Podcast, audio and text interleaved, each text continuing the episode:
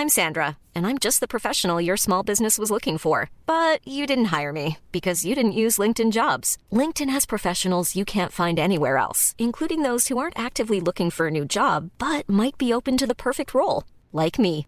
In a given month, over 70% of LinkedIn users don't visit other leading job sites. So if you're not looking on LinkedIn, you'll miss out on great candidates like Sandra. Start hiring professionals like a professional. Post your free job on linkedin.com/people today.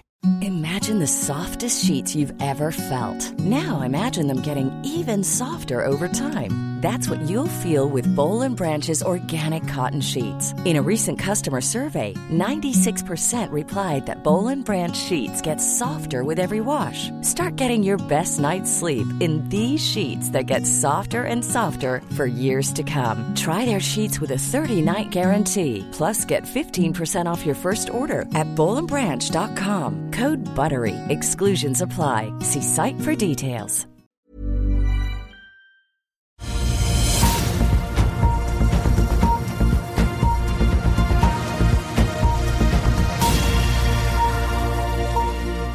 Riktig god morgen og velkommen til Børsmorgen her hos oss i Finansavisen denne mandagen. Mitt navn er Benedikte Storm Bamvik, og med meg har jeg aksjekommentator Karl Johan Molnes. Senere i sendingen så får vi også besøk av porteføljeforvalter i Alfred Berg, Christian Tunål, der nordiske aksjer og markedstrender står oppført på agendaen. Før vi går videre i sendingen, så retter vi da øynene mot Oslo Børs, som endte med en svak oppgang på fredag. Fredagens desidert største taper var Emil Eriksrøds gjeldstyngede eiendomsselskap Recreate, som før helgen slapp en rapport som viste at selskapet hadde et resultat før skatt på minus 188 millioner kroner for årets første halvdel.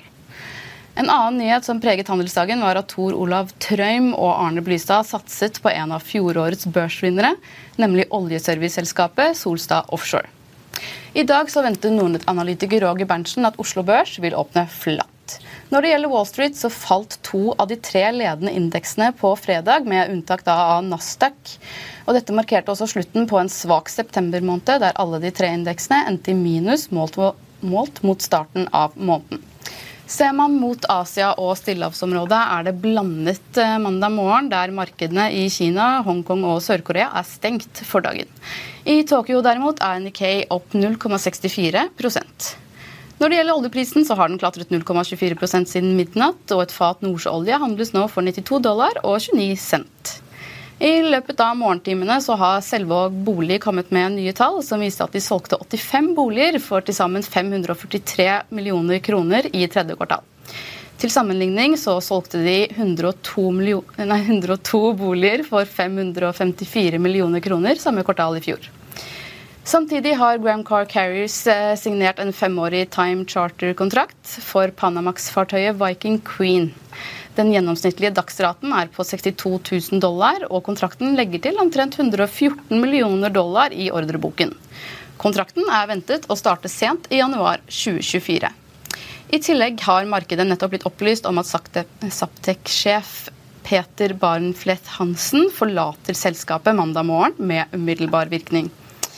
Og med det sier vi god morgen til deg, eh, Karl Johan. Jeg tror vi retter øynene litt mot eh, USA. For i løpet av helgen der så har det jo kommet til det at demokratene og republikanerne ble enige om en finansieringsløsning noen få timer før fristen. Kan ikke du fortelle litt ja, om hva det her handler om? Det, det, var veldig overraskende, fordi at uh, det har vært veldig sterke krav fra de mest konservative i det republikanske partiet om veldig kraftige budsjettkutt. og uh, det offentlige forbruket i USA får jo nå Frankrike til å se ut som et uh, kapitalistisk land. altså De bruker jo liksom 28% av BNP da, uh, budsjettunderskuddet. Så det brukes for mye penger i USA, og, og man er bekymra for det. Men eh, alle i USA er kjent med at det senatet det er to senatorer fra hver stat. Og så har du da i, i republikanerne i, i, Kongressen, så er det også i House of Representatives, så har du da 335 medlemmer medlemmer som eh, er på valg eh, annethvert år. Så de, de, vet at de skal gjenvelges,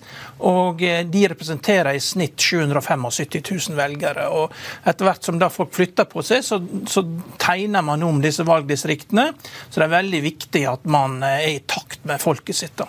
Og Kevin McCarthy, som er styrer Speaker of the House, han, han kommer fra California. Han blir beskyldt for å være republican i name only, Rhino, fordi at han fikk store deler av partiet sitt til å komme på et forslag som støtter det demokratene vil ha. Så, det, så disse mest konservative, det er MAGA, som de heter, blir kalt, de er i harnisk, og de vil kaste Kevin McCarthy denne helgen. her. Og det som, eh, det, Årsaken til vi snakker om dette, her er jo litt det at eh, det som ikke kommer i pakken, da, det er Ukraina. Det er 6 milliarder dollar til Ukraina. Eh, og, og det de vil ha da, de vil ha økt grensekontroll. Så det vi kan forvente i løpet av denne uka, her, er at du får et nytt lovforslag opp om, eh, som inneholder Ukraina og økt grensekontroll. Begge de to tingene vil gå gjennom i en eller annen form. Eh, og så er det mistillitsforslag mot Kevin McCarthy. Men det er ikke sikkert det går gjennom, fordi at det er alle de, alle de, som er, eh, alle de 335 som er innvalgt, selv om republikanerne har flertall, de svarer til sin krets, og de er veldig nær dette, og de vet det på valg annethvert år. Så det, det er, en, det er, noe annet enn i Senatet. Så jeg tror det at De som er veldig bekymret for at Ukraina ikke får pengene sine, det, det, tror ikke man skal tenke så mye på. Dette her er taktikk og eh, personlig politikk. da. Og eh, Matt Gates han ser jo ut som en sånn skurk fra en James Bond-film. og jeg vet ikke om han, Det er han som leder opprøret mot Kevin McCarthy. og Kevin McCarthy han kommer fra et eh, allsidig eh, fylke, da, eller en krets, da, der Kearney i California, det er en konservativ i California, der har du både landbruk, du har en en flybase, og du har landbruk. Du har landbruk, olje og en flybase. Så du, du har liksom veldig mange forskjellige krefter da, i ett fylke, eh, i én krets, i motsetning til mange andre kretser der det kanskje er én interesse som dominerer. Så han, han vet at du må balansere dette her, og når du har både militære, landbruk og olje, i, samme fylke bak deg, så, så, vet du at det er mange hensyn å ta. og Derfor så virker han da å være en balansert eh, republikaner i forhold til mange av de andre da, som virker å være mye villere da, og mye mer trigger-happy. Så eh, jeg, jeg, tror ikke vi skal gjøre dette til noe politisk eh, kvarter, fordi at eh, da, da, sitter vi til slutt her og diskuterer alt mulig rart, for alle kan diskutere politikk. Men, men når, vi, når, vi, først gjør det, så det må være så spesielt som dette her, at man, man skal ikke frykte for at Ukraina får pengene sine, for det får de. Det ja. Men hvordan kom vi hit? Nei, vi, vi, kom hit uh, ved at eh, det, det, brukes jo for mye penger. Da. Så Det er jo det er en riktig refleks at, uh, det brukes altfor mye penger i USA. Og på et eller annet tidspunkt så må man jo uh, slutte med det. For hvis ikke så, uh, så vil jo seddelpressen gå varm veldig raskt. Altså, da vil jo det gå utover valutaen. Så, så, på et eller annet tidspunkt så må du rekalibrere. Du må, du må gå inn, og så må du må øke pensjonsalderen til folk. Du må kutte ned på forbruk i helsesektoren. Uh, ja, er, men, men til slutt, da så ender det med at man trykker penger. altså. Og Da får du samme effekten som vi fikk i Norge i fjor høst, at, det, at, at dollaren eh, plutselig svekker seg. Og Det er jo faen med det vi, i det scenarioet vi er i nå med, med aksjebørsen. at det, eh, Aksjebørsen er sensyklisk. Det er liksom, Børsen i USA er det siste som går ned, og når den går ned, så går også dollaren ned. Så hvis du sitter da med en verdensindeks eller en, en amerikansk indeks, og, eh, og verdensindeks har 75 i USA, eh, så er jo det sånn at nedgangskonjunkturen banker jo på døra vi ser det i eiendomssektoren. Vi hadde Bård Bjølgerud inne på, eh, i, på, eh, på Økonominyhetene. Han sa det at eh, markedsverdien av eiendomsaksjene i Norden har gått ned fra 1150 til 450 milliarder kroner. Så det er klart at de tidligsykliske delene av økonomien, både i Norge og i USA, merker dette her. Og det, det er liksom tsunamien bare ruller på. Altså, og til slutt så river det med seg Så stiger arbeidsledigheten, og da faller også børsen i USA. og det Eh, vi hadde også Harald Magnus Andreassen inne i Aksjepodden, og han sier det, det er ingen egen norsk økonomi. Det er oljeøkonomien og, vi blir påvirka. Eh, både Ringholm og Harald Magnus Andreassen viser jo også til at norske økonomi, eller norske børsen korrelerer med både India og, og, og Australia. slik at det, vi, vi, blir, vi, er ikke isolert fra dette her. og det Første gang jeg så dette, her var jo tilbake på 90-tallet, når vi så at eh, norske børsen og svenske børsen gikk helt i takt. Og, og da, da, må du være litt forsiktig som individuell analytiker og plukke enkeltaksjer når du ser at alt internasjonalt går i takt. og Da er det fordi at den marginale kjøperen er et stort globalt fond som, som kjøper den globale indeksen. Alt, altså Australia, India, Norge og Sverige går opp og ned sammen. Så vi er en liten dupp i det store bildet, der USA nå har hele 75% av markedet. Så når de bestemmer seg for at ok, nå skal vi ut av USA og inn til internasjonalt, så blir alle båtene løfta. Tusen takk til deg, Karl Johan. Vi er straks tilbake med gjesten etter en kort pause. Vil du bli oppdatert på det viktigste som har skjedd innen finans og næringsliv? Da er det bare å følge med, for hver morgen er jeg, Marius Lorentzen og aksjekommentator Karl Johan Malnes på plass i studio for å ta tempen på dagens marked i Børsmorgen. Og hver ettermiddag oppsummerer vi alt du trenger å vite i økonominyhetene, og det blir selvfølgelig masse interessante gjester. Klikk deg inn på fa.no-tv, eller søk opp Børsmorgen og Økonominyhetene der du hører på podkast.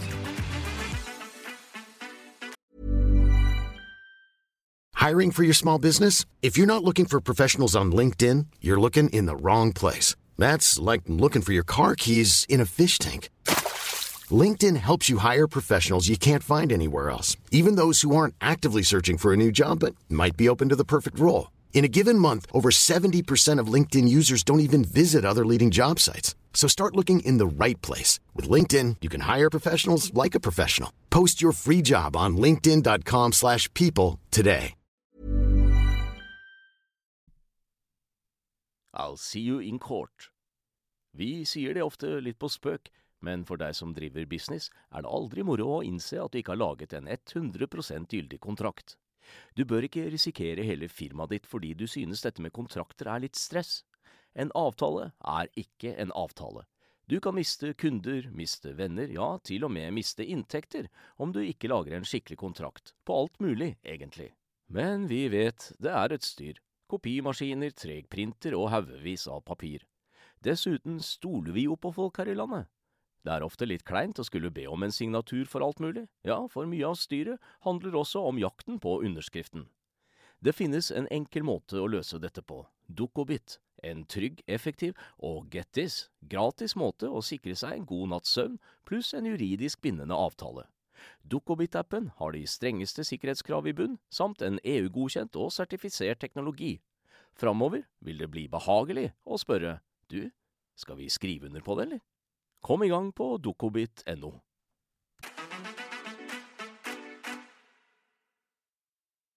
Da er handelsdagen i gang, og Oslo Børs starter da opp eh, en halv prosent. Eh, og da tar vi bare imot eh, forvalter i Alfred Berg, Christian Tunoal. Velkommen til oss. Takk for det.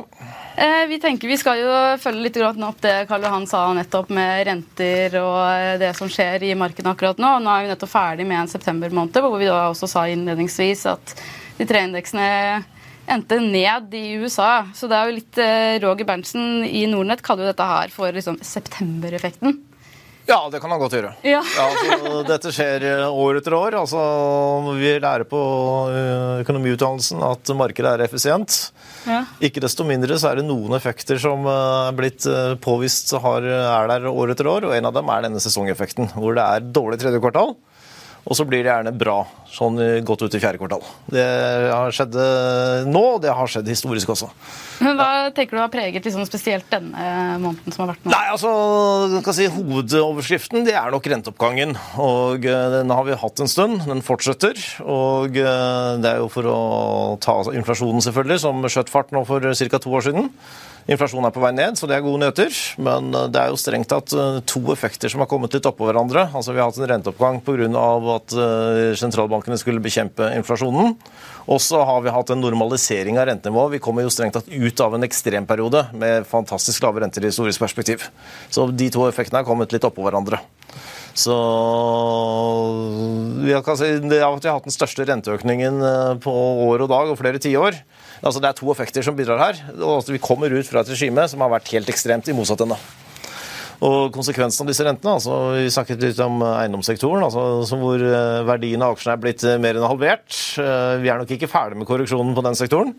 Og vi har fremdeles ikke sett de fulle effektene av hva denne renteoppgangen gjør i folks privatøkonomi. For det tar tid før dette slår igjennom i utlånsrentene. Og det tar ikke minst tid før folk virkelig mentalt har det innover seg. Men vi er på vei. Det skjer.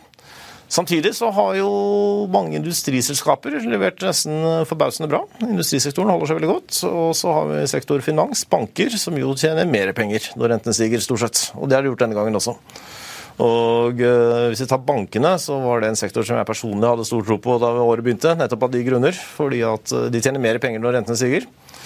Men øh, så hadde vi en uro i første kvartal, som begynte i USA, fortsatte med Credit Suisse i Europa som førte til at banksektoren, altså ta en Svebank, som er en egentlig ganske traust svensk bank, den falt jo fra størrelse 220 kroner til 170 på bare noen få uker. Og de gode nyhetene her, det er at eh, det fallet ser ut til å være i ferd med å bli reversert nå. Han ble reversert ganske mye i tredje kvartal, og den prosessen ser ut til å også fortsette. Så det er de gode nyhetene. Så da, ja, det viktigste enkeltfaktoren det er renteoppgangen som har vært, og som pågår fremdeles. Det har vært eh, negativt for en del sektorer. Eh, det kommer til å ha en virkning fremover også. Folks, eh, altså de, virkningen på folks økonomi har ikke helt kommet ennå. Og så er det noen sektorer som tjener mer, bankene. Og så er det faktisk et par sektorer som har klart seg forbausende bra så langt. Så får vi se. Hvilke sektorer er det da, som har klart seg forbausende? Industrisektoren uh, har jo gått bra, det må vi jo se lov til å si. og uh, lønnsomme, så Det er en fordel med å ha et nordisk modal, sånn som det, det har. For uh, Sverige eksempel, har en industrisektor av en helt annen størrelse enn hva Norge for har. Men eh, der er faktisk eh, tilstanden ganske bra, altså. Og eh, prisingen kan være litt varierende her og der. Vi er ganske spente på om når tredje kvartal begynner, om vi da selskapene endelig finner tiden inne til å si at nå merker vi at det går litt tregere. Men jeg husker godt i tredje kvartal i fjor, hvor det var, altså, det var veldig mye resesjonsvarsler og mange gode grunner til å tro at det skulle komme resesjon. Men hvor da et selskap som Sandvik, et stort eh, svensk industriselskap, eh, var helt klare på at det er mulig det er en resesjon. Vi ser den ikke. Så fikk, I fjor så fikk vi veldig forskjellige signaler fra hva selskapene sa, og hva en del viktige makroindikatorer faktisk fortalte oss. Da var det selskapene som hadde rett. Og uh, veldig spent på om det skjer denne gangen også. For uh, iallfall hittil så følg med på hva selskapene sier og hva de gjør. Det har vært uh, ganske god ledestjerne så langt. Iallfall. Nettopp.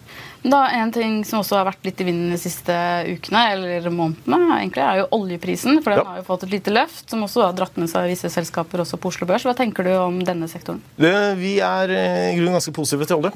Og øh, vi, Hvis du hadde spurt meg for et år siden, så hadde jeg vært eh, veldig positiv til olje. Så skjedde ikke det i fjor, og eh, det skyldes nok god del at uh, amerikanerne brukte sine strategiske lagre til å føre ganske mye olje inn i markedet i fjor, i fjor høst. Så den oppgangen som jeg personlig så for meg i fjor høst, den, den kom ikke. Og til gjengjeld så har den kommet nå i tredje kvartal. Vi begynte i sommer og nå kommet i tredje kvartal. Så vi har hatt en ganske klar oljeprisøkning. Ser vi på de rent kommersielle lagrene i USA f.eks., som tross alt er verdens viktigste oljeland, på både, særlig på eh, forbrukssiden, så er de historisk sett ganske lave i forhold til forbruket. Så, og Det er historisk sett en ganske god indikator. Så Det ser ut som oljeprisen skal fortsatt holde seg på rimelig gode nivåer, og med selvfølgelig konsekvenser for hele oil service-sektoren. Da, altså da får vi prosjektene, da får vi aktiviteten. Så det er ganske spennende, ikke minst for Oslo Børs. Ja. Eh, det er ikke så mange vi har inne her som har nordiske mandater. og Du har jo tidligere snakket varmt om Danmark. og Danmark har jo samme type finansiering av boliger som USA har. altså De har murhus, og så har de da lange lån med dividendrenten, og så har de opsjon da, til å refinansiere uten at det koster noe. Mm. Du har tidligere anbefalt Sydbank. Eh, og, men er, er, når du har disse fastrentelånene i Danmark, gir det seg utslag at det er konsumaksjer å kjøpe, eller har markedet blitt dominert av eksportaksjer og Novo Nordisk, så det er egentlig ikke noe å, å tjene på dette her? Altså det danske, altså Novo Nordisk har nå en markedsverdi som tilsvarer ca. BNP i Danmark. Ja, der har liksom eh, den betydningen. Og eh, Hvis jeg skal plukke ut én begivenhet nå de siste månedene som virkelig har vært litt sånn skjellsettende, så var det den dagen Novo Nordisk meldte om at de har fått et patent, og aksjen steg jeg tror det var 17% på halvannen time. Altså, det, det, altså Da skaper jeg vet ikke, det skaper titalls milliarder i aksjonærverdier bare på et par timer. Det er liksom den største enkeltbegivenheten vi har hatt nå de siste månedene. Men eh, ja, altså vi har Novo Nordisk, vi har en helsesektor i Danmark. Eh, men dansk økonomi altså Hadde du tatt ut Novo Nordisk, så hadde jo selvfølgelig den danske børsen sett ganske annerledes ut. Den hadde sett mye billigere ut, men det hadde også blitt mye dårligere avkastning. Så det er, det er, også litt sånn symptomatisk for noe som har skjedd med børsverdenen så langt i år. Altså Vi kan ta det amerikanske markedet. Eh, Nasdaq ser jo dyr ut. Og hvis du bare ser på indeksen totalt sett, så er den dyr. Men hadde du tatt ut de seks største, så hadde du plutselig fått en helt annen prising. Så fete amerikanere er ny olje igjen for danskene. Ja, altså det var en tørr kommentar fra altså, at Novo Nordisk hadde nå passert McDonald's i markedsverdi. Takket være McDonald's. ja, de, Danskene har alltid godt legge skylden på andre, men de har jo 50% av baby backribs-markedet. Du går på disse her eh, kjedene som Houston og sånn, ja. du spiser seg, det er jo halvparten av det kommer fra Danmark, og det er mye saus på dette her. altså. Ja, det er det helt sikkert. Så, ja. Så. Ja, så nei, men oljen, Tilbake til olje. altså Det ser rimelig lovende ut for olje. Uh, oljeprisen er på et nivå hvor uh, oljeselskaper tjener veldig gode penger. Og hvor det også genereres tilstrekkelig kapital for å finansiere nye prosjekter i ganske stor, stort omfang. Så det, det, er selvfølgelig positivt for Oslo Børs. En ting er Det får to effekter der også. Det ene er at selvfølgelig oljeselskapene og service kommer til å tjene mer penger. Men interessen for å investere i Norge kommer også til å stige etter hvert som dette, denne erkjennelsen brer seg. Har du gjort noen endringer i fondet basert på den informasjonen? Ja. For et halvt år siden så tror jeg vi hadde noe i nærheten av nullvekting i energi. Og det er nå blitt den største overvekten. Så i løpet av sommeren så har vi gått kraftig inn i energi. Hvilke selskaper da? Nei, Det er mye å ta av. og Vi har oljeselskaper. og eh, da kan man, På Oslo Børs så er det skal si, to eller tre, litt avhengig av hvilken størrelse man ønsker å legge seg på. Både Equinor og Aker BP er de to største. Og så har vi en riggsektor som nå begynner å våkne til live etter flere år i dvale. Godt er det. Og så har vi også en uh, supply-sektor uh, hvor det også har kommet en del nye kandidater på banen nå i løpet av høsten. Altså Det er en refinansiering som har pågått i årevis, som uh, for iallfall noen selskapers vedkommende nå begynner å falle på plass. Så menyen å velge fra er nå bedre enn den var for si, seks eller tolv måneder siden. Så det er en del å ta. Mm. Hvis vi skal se litt på, for de har, Som vi nettopp snakket om før du, vi startet sendingen, så har vi jo ikke helt oppdatert de nettsidene på porteføljen. Ja. Eh, det skal du jo gjøre senere i dag. Men kan ikke du fortelle oss litt om hvordan eh, fondet har gjort det så langt i år? For du eh, er jo forvalter av Nordic Gambak ja. Alfred Berg. Mm. Kan du fortelle litt mer om det? Ja, nei, altså Vi har en uh, positiv avkastning, men skulle gjerne vært litt mer positiv. Vi mm. fikk en ganske kraftig smell i uh, første kvartal og begynnelsen av andre kvartal. Vi hadde gått tungt inn i banker, og det som jeg sa, det, det, det var ikke veldig heldig da vi fikk denne smellen fra disse bankene i USA og så Credit Suisse. Men så jobber vi oss oppover og hadde en bra august. Vi har hatt en bra september, og året er ikke over. Så får vi se. Sist jeg så, så var jo Novo var jo på toppen av ja. Er den fortsatt Ja, det er størst. Ja, det er altså slik som verden er blitt, altså det nordiske markedet er blitt. Og slik som den aksjen har utviklet seg, så så den dundrer og går. Den har gått så mange prosent er det blitt i år, altså flere titalls prosent. Så den må være på toppen. Altså, ellers så er man uh, virkelig i motbakke.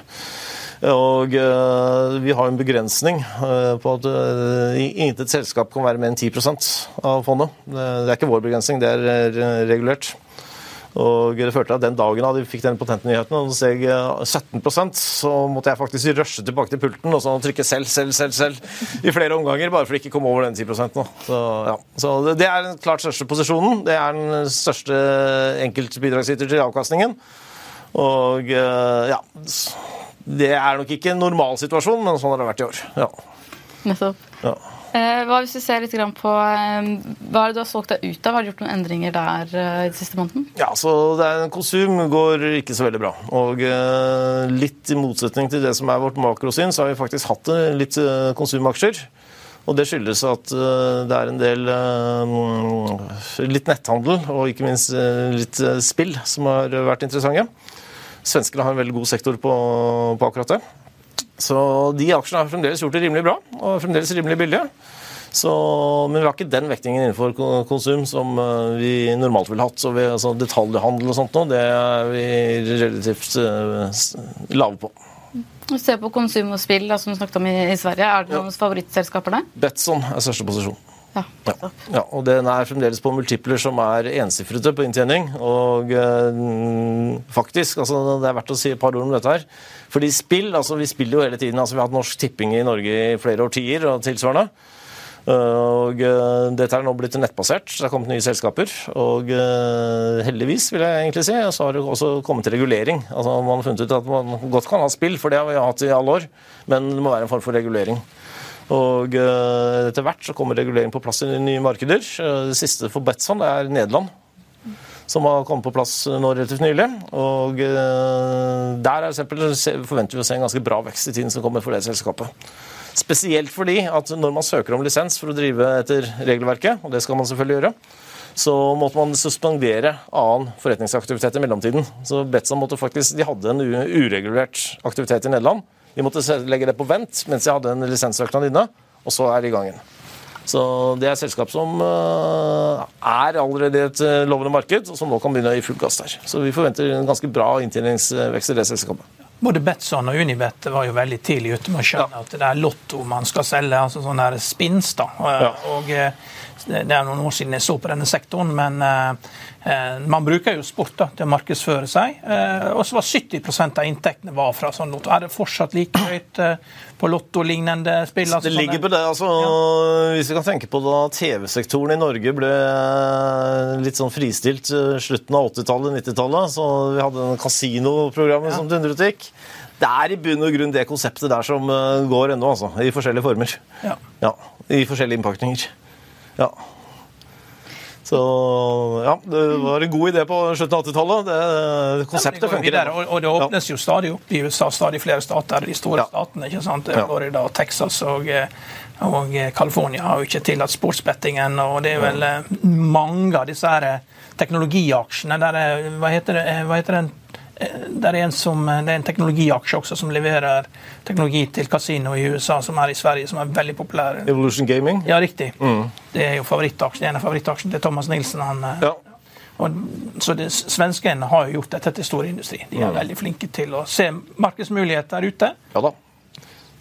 Og Evolution Gaming har lykkes veldig bra. De vokser ja. jo over 30 i året. Har gjort det hittil, iallfall.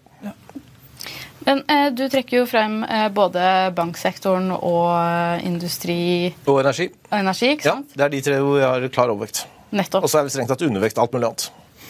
undervekt alt mulig annet. Men er det liksom noen spesielle sektorer som, i dagens marked som du ville vært ekstra forsiktig med? Altså, Eiendom er en uh, den er given, altså, så ut fra det vi har snakket om. Så I den grad vi har gjort noe riktig her i år, så er det at vi har uh, vært dundrende undervektige i eiendom i lang lang tid. Og kommer fortsatt til å være det. Jeg anbefaler folk å lytte til Økonominyhetene. Eh, ja. Bård Bjølgerud intervjuet, og han er jo veldig presis. Nå uh, kommer han ut og forteller at selgerne må komme ned fra fjellet. Ja. De har for høye prisforventninger. og Det kommer til å ta tid, ja. men uh, de må komme ned fra fjellet, for kjøperne venter på de nede på bakken. Akkurat, ja, ikke sant? Det var en god måte å si det på. Jeg...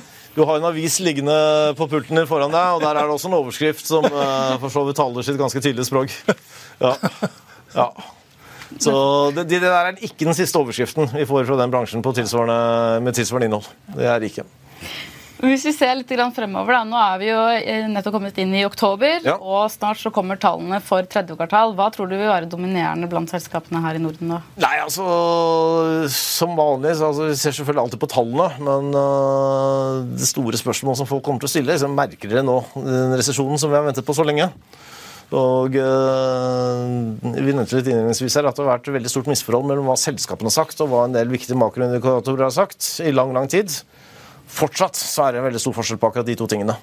Og En av disse to tingene må på et eller annet tidspunkt begynne å øh, endre seg. og må konvergere over tid.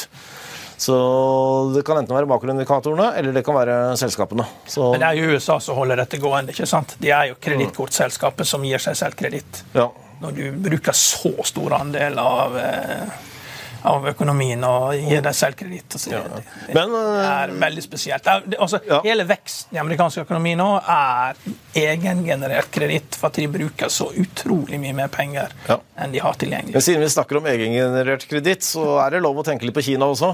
Ja. ja hvor også det er et gjeldsberg som ligger og venter på oss. Eller ligger og venter på dem. Som, eh, altså fra finanskrisen og frem til pandemien så var vel ca. halvparten av veksten i verdensøkonomien ble generert fra Kina. Og de skylder jo for sikkerhets skyld amerikanske banker en god del også, da. Ja, ikke sant? Så... Og, og, likevel så liker du banker så godt? Jeg tror ikke de nordiske bankene har gått over bord uh, for å ta disse på, kjøpe denne gjelden. Det er jo en del av verden, vet du. Ja, det er en del av verden, ja. Så vi, skal se, altså, vi kan selge disse aksjene hver dag. okay. ja. Ja, om ikke akkurat på dagen, så iallfall uh, relativt kjapt. Så vi får se. Men altså, vi må også se litt på det beste, altså, det beste indikatoren å se på, er jo prising. Skal du velge én indikator å plukke, så ser du på prising av en aksje. Og så skal du velge en til, så ser du på inntjeningsutvikling. Ja, Og foreløpig så går begge de to i riktig retning. Det kan snu, men uh... Men nå, nå, har jo prisingen nordiske, alle nordiske aksjene har jo blitt enormt komprimert. da. Ja. Det var jo mye dyrere før. altså. Sampo Bank klarte jo å selge seg sjøl til prisbok eh, over tre til Danske Bank. Mm. Så det svinger jo. da. De, det får du ikke i dag. Det svingningene er ikke der lenger. Altså, det har blitt komprimert. og Det var jo lenge sånn at uh, vår kjære DNB handlet jo under bokført verdi, uh, uh, mens de andre bankene handlet til, til det dobbelte. De har jo snudd. da, DNB har blitt en mye bedre, mye mer veldrevet bank. og mm. handles jo nå helt opp i toppen med de andre bankene. Ja, det gjør det. Gjør det. Så det er jo mm. Og, det skyldes helt sikkert mange flinke folk i DNB, men også selvsagt litt hjulpet av Oljepengene. 90 dollar fatet hjelper godt, det. Ja. Hjelper godt, det. Ja. Men uh, altså, hvis vi kan gå litt mer inn på Kina fordi at uh, selvfølgelig, altså, Kina er jo ikke så veldig godt integrert i verdensøkonomien. så Det, det betyr en del for råvarer, men ikke så, altså en del luksusprodukter. Men også Kina er mye mindre integrert i verdensøkonomien enn det størrelsen på økonomien skulle tilsi. Det som blir litt spennende å se, det er hvor mye kinesiske penger er det som er plassert rundt på verdens finansmarkeder. For klart at Hvis det dukker opp interne problemer i Kina, og et eh, gjeldsberg som håndteres, så blir de, del av de pengene som er i utlandet, vil bli trukket tilbake. Ja, USA har jo ubegrenset gjeldstak fram til 2025, ja. fordi de frykter at Kina skal selge alle sine 800 milliarder dollar de har i amerikanske statsobligasjoner. Ja. Og Da slipper du å ha en, en, diskusjon i Kongressen om gjeldstak. Du har ubegrensa fram til 2025. Mm. Så på et eller annet tidspunkt så sier de OK, Kina, mm, vi leier at dere maser og truer med dette. Nå kan dere bare, nå må dere gjøre alvor av dette. Her er pengene, ta det. Og så får vi fortsette å operere uavhengig. Dere, dere, dere, holder på med det dere holder på med, vi holder på med vårt. Nå har ikke dere disse obligasjonene lenger. Det er flott. Men ikke driv og tru oss noe mer med dette her med å selge. Nå tror jeg snart vi skal begynne å runde av. men jeg tenker jeg Se på Doff Group, se på Doff Group eh, ned 6% så det, det, er jo en del, en del som driver og selger her nå. For det, de har fått, eh, Det er jo disse fondene da, som, eh, har fått konvertert eh, tidligere obligasjonslån til aksjer. Og de, de, kan begynne å selge i dag. og Derfor er Doff Group ned. Den er ikke oppdatert, men du har kanskje kursen oppdatert der. og Det er derfor den er ned 4-5-6 ja, kan du fortelle litt mer om det? Ja, det er, eh, dette er første dagen eh, de obligasjonseierne som konverterte eh, obligasjonslån til aksjer, får lov til å selge. Derfor er den aksjen ned med rundt 5 i dag. Ja, Her står det jo at den er ned 4,3% Ja. Mm. Men jeg eh, med spørsmål til deg nå, nå som vi går inn i en ny eh, si, resultatsesong og høsten er her. Hva er liksom ditt råd til da, investorene på Oslo Børs nå? Nei, Det er nesten det samme som det stort sett alltid er. Vær langsiktig. Altså, vi har hatt et tredje kvartal som er til minus. Eh, tar du et litt sånn større blikk på en graf børsutvikling over tid, så er det bare en helt usynlig liten blipp. Så vi er fremdeles i en situasjon hvor eh, det skapes verdier på børsene. Og prisingen er ikke helt urimelig. Altså Den er på sånn omtrent et normalnivå. Så langsiktig å bare følge den investeringsstrategien man har, det er mitt aller beste råd. Og hvis det ikke skjer noe alvorlig i økonomien, så tror vi på julenissen. Det blir julenissen alle i år også. Ja, vi tror på... Ja. Særlig når den er historisk dokumentert. Ja. Ja, men Det blir kjempebra. Ja. Eh, tusen takk for at du kom, Kristian Bare hyggelig. Eh, forvalter i Alfred Bag der også. Eh, og dermed så runder vi av Børsmorgen eh, for i dag. Husk å få med deg økonominyhetene senere i dag klokken 14.30. Og i mellomtiden så får du siste nytt på fa.no gjennom hele dagen. Vi ønsker deg en riktig god dag videre, og takk for nå.